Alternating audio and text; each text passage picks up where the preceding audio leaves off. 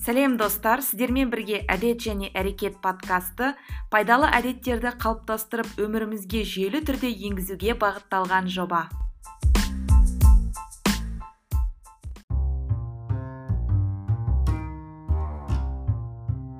Сәлем достар. Сіздермен бірге әдет және әрекет подкасты. Бүгінгі алғашқы эпизодтың тақырыбы жаңа әдетті қалыптастыруда болатын бес қателік. Болуы мүмкін бес қателік. Жайлы сөйлесетін боламыз. Ә, өздеріңіз білетіндей жаңа әдетті өмірге енгізу оны ә, тұрақты түрде ұстанып жүру өте қиын. Ә, бастапқы уақытта біраз қиындықтар болуы мүмкін бірақ өте, уақыт өте келе белгілі бір жүйе құру арқылы ә, біз ол әдетті тұрақты әрекетке айналдыра аламыз. Көпшілігіміз жаңа жыл қарсаңында туған күніміз болған кезде белгілі бір өміріміздің кезеңдерін қорытындылап келесі алдағы болашақ уақытқа жоспарлар құрамыз мақсаттар қоямыз және өз өзімізге белгілі бір уәделер береміз. Статистикаға сүйенетін болсақ жаңа жыл қарсаңында адамдардың өзіне беретін уәделерінің 80 пайыздан 90 пайызына дейін бұзылады екен. Әрине мұндай статистиканы бақылап отыру өте қиын. Өйткені бұл елді мекенге қай жерде жиналған ақпарат екенін білуіміз керек. Бірақ ойлап қарасақ бұл өте үлкен сан. Бұл нені білдіреді? Ә, біз өзіміз жайлы өзімізді білмейміз өзімізді түсінбейміз деген сөз. Яғни өзіміздің ә, миымыз миымыз психикамыз қалай жұмыс істейтінін ә, түсіне бермеуіміз мүмкін. Бірақ ең қызығы адамдардың көпшілігі өзін білемін деп ойлайды. Және біз белгілі бір уәдені бұзған жағдайда өзімізге берілген уәдемені бұзған жағдайда біз неге оның неге бұзылғанын білеміз. Және келесі жолы ондай нәтиже болмас үшін қалай әрекет ету керек екенін де білеміз. Және бұл әдеттің орындалуы қандай жағдайда болатынын да білеміз. Бірақ та біз керісінше әрекет етеміз. Ең алдымен күмәнсіз ә, кез келген әдетті кез келген жүріс тұрысты өзгерту қиын. Неге? Өйткені ә, біз белгілі бір өзгеру процесін қиындатып алуымыз мүмкін.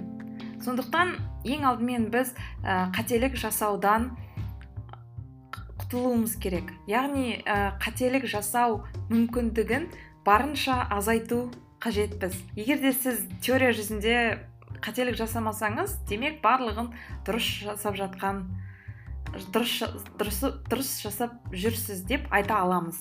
Сонымен ә, қателіктерге осы ә, жаңа әдетті қалыптастыруда мүмкін болатын бес қателікке тоқталайық. Әрине бұл ә, бұдан да көп болуы мүмкін. Неге бес қателік деп?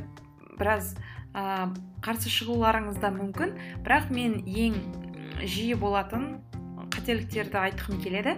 Және бірінші қателік ол барлығын бірден өзгертуге тырысу.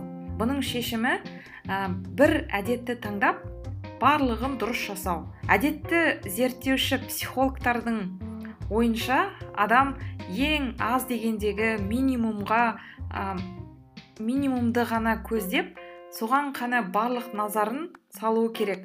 Стэнфорд университетінің профессоры мистер фоктың ойынша адам бір уақытта өзгерте алатын әдеттердің максималды ең көп дегендегі саны ол үшеу екен. Ә, және оның ойынша бұл үш әдет өте жеңіл өте оңай әдеттер болу керек. Қаншалықты жеңіл? Мысалы тамақ ішердің алдында және тамақ ішкеннен кейін қолымызды жуып аузымызды шаю. бір жағынан бұл ә, сүннет амал болып табылады. Ә, сондықтан бұл әдетті орындауға бізге өте көп бір ерік күші қажет емес. Немесе ә, күніне 20 рет отырып тұру деп алатын болсақ бұны да орындау онша қиындық тудырмайды деп ойлаймын. Және әр күн сайын ұйқыдан тұрған кезде бүгін керемет күн болады деп өзіңізге айтсаңыз немесе айнаға қарап күлімсіресеңіз бұл да оңай әдеттердің қатарына жатады.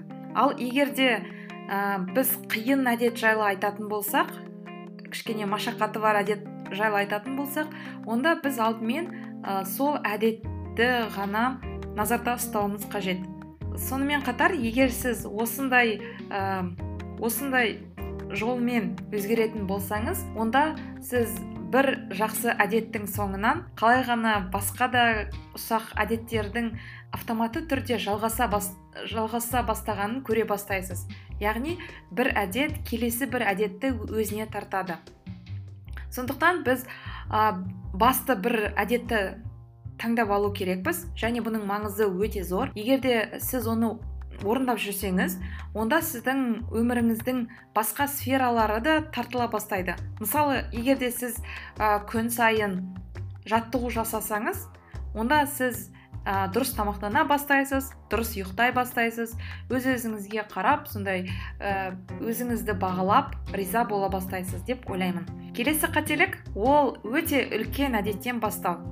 Ә, біз кез келген әдетті ә, жоқ деп айтуға ешқандай сылтау болмайтындай қылып өте кішкентай өте кішкентай қылып жеңілдету керекпіз. Ең алдымен әдетті қалыптастырудағы ең күрделі жері ол жаңа жүріс тұрысты бастау жаңа бір қылықты бастау.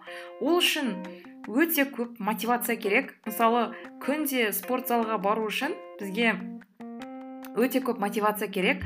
Мысалға егер сіз жұмыс істейтін болсаңыз жұмыс күні 8 сағат жұмыс істегеннен кейін шаршаңқы күйде өзіңді спорт залға баруға ә, бір жағынан қинайтын сияқтысың ә, және бұл өте қиын. Ә, бұл үшін бізге өте көп ерік жігер күші керек. Сондықтан жаңа бір әдетті бастау үшін оны қалыптастыру үшін біз өте кішкентай әдеттен бастауымыз керек. Осы ерік ерік жігер күші туралы айтып кетейін. Ғалымдардың зерттеуінше бұрын бір ерік жігер күші туралы бірнеше кітап оқыған едім. Соның ішінде маған қатты ұнағаны ә, рой баусмайстер деген кісінің кітабы. Оның айтуынша біздің ерік жігер күшіміз өте шектеулі. Себебі біз таң атқаннан ұйқыдан тұрғаннан бастап өте көп таңдау жасаймыз және өте көп шешім қабылдаймыз. Сол себепті ә, біздің ерік жігер күшіміз шектеулі болғандықтан ол күннің соңына қарай таусылып ә, бізде оның бірде бір ресурсы да қалмай қалады. Сол себепті бізге бір нәрсені жасау спортпен айналысу жұмыстан кейін қиын болуы мүмкін. Ә, және мен бұны толықтай айта аламын. Кешке қарай біздің ерік күш, жігер күшіміз азаяды. Сондықтан егер де спортпен айналысқыңыз келсе немесе белгілі бір қиын шаруалар болса оларды күннің бірінші бөлігінде таңертең жасап жасаған дұрыс. Сонымен қатар ә, жаңа әдеттер олар қорқынышты болмау керек. Ә, яғни сіз әр күн сайын ол әдетті орындайтындай ол өте жеңіл ә, және ә, қарапайым әдет болу керек. Мысалы сізге ә, күніне елу отжимание жасағыңыз келді дейік. Ә, сіз ең алдымен өте жайынан бастаңыз. Мысалы бір отжимание жасау немесе бес отжимание жасау. Ә, жапондықтарда кайдзен деген түсінік бар. Яғни біз бір нәрсені жасағанда өте кішкентай қадаммен бастаймыз. Сондықтан ә, егер де сіз көп кітап оқығыңыз келсе мысалы өзіңізге жылына елу екі кітап оқимын деген мақсат қойсаңыз онда әр кеш сайын ұйқыға жатардың алдында екі бет кітап оқудан бастаңыз. Ары қарай ол сізге аз болып көрінсе үстінен қосып отырсаңыз болады. Және егер де сіз ә, медитация жасауды бастағыңыз келіп жүрсе ә, және бұл сізге бір қиын болса ойыңыз әрдайым бөліне берсе немесе ұзақ уақыттық медитацияға шыдай алмасаңыз мысалы медитация 10 минут 15 минут болса көп адамдар оны ә, шыдамай ойы бөлініп кетуі мүмкін. Сондықтан әр таң атқанда ұйқыдан тұрғаннан кейін бір минут, минут медитация жасап көріңіз. Меніңше медитацияның пайдасы өте зор. Маған медитациядағы ең ұнайтын нәрсе ол ә, сенің бір концентрацияны ұстап алуға тырысуым және ә, дем алу дем шығару процесі маған ә, өте жақсы әсер етеді. Және келесі үшінші қателік ол нәтижеге ұмтылу ә, процестен ләззат алмау. Бұның шешімі біз ә, жүріс тұрысқа назар аударуымыз керек. Нәтиже нәтижені қарастырмаймыз. Бұл жерде нәтижені ғана көздеудің қажеті жоқ. Ә, негізі мақсаттар жайлы әңгіме қозғалған кезде олардың барлығы белгілі бір нәтижеге бағытталған. Сіз неге жеткіңіз келеді? Мысалға бірнеше килограмм артық салмақ тастағыңыз келуі мүмкін. Немесе ә, осындай сумма ақша ақша тапқыңыз келуі мүмкін. Осындай ә, осынша кітап оқығыңыз келуі мүмкін. Сондықтан біз ә, нәтижеге бағытталғаннан кейін біздің жаңа әдетіміз жеміс әкелгенін қалаймыз. Бірақ бұл жерде бір проблема бар. Ол ә, жаңа мақсаттар бізге жаңа нәтиже бермейді. Жаңа нәтижені бізге жаңа өмір салты береді. Және ол нәтиже емес бұл процесс болып табылады. Сіздің барлық энергияңыз ең алдымен өте жақсы сіз үшін жақсы болатын ритуалдарды құруға жұмсалу керек. Ә, бір жақсы нәтиженің артынан қуып кету маңызды емес. Ә, басты басты фокус ол белгілі бір оңай ритуалдарды қалыптастыру. Негізінен ритуал дегеніміз бұл біздің жүріс тұрысымызды әдетке айналдыратын нәрсе. Біршама уақыт бұрын мен энергияны күш қуатты басқару туралы біршама кітаптар оқыған едім. Соның ішінде маған қатты ұнағаны ол тони шварц деген автор ә, оның жизнь на полной мощности және перезагрузка деген кітаптары бар. Ә, сол тони шварцтың айтуы бойынша ритуал бұл белгілі бір уақытта орындау арқылы уақыт өте келе сіздің ешқандай ә, бір ниетіңіз немесе күш қуатыңызды қажет етпейтін өте анық әрекет. Яғни ә, сіз ритуал қалыптастыру арқылы белгілі бір әдетті автоматтандыруға автоматтандыруға алып келесіз. Сондықтан сіз егер жаңа егер сізге жаңа әдет қажет болса онда сіз ең алдымен жаңа ритуалды жақсы көруіңіз керек. Және төртінші қателік ол қоршаған ортаны өзгертпеу. Жаңа жақсы әдеттерге әдеттерді қамтамасыз ететін соған ә, белгілі бір жағдай жасайтын ортаны құра білуіміз керек. Егер де адам бір жағымсыз ә, сондай ортада болса онда ол ә, жағымды әдеттерді ұстана ала ма?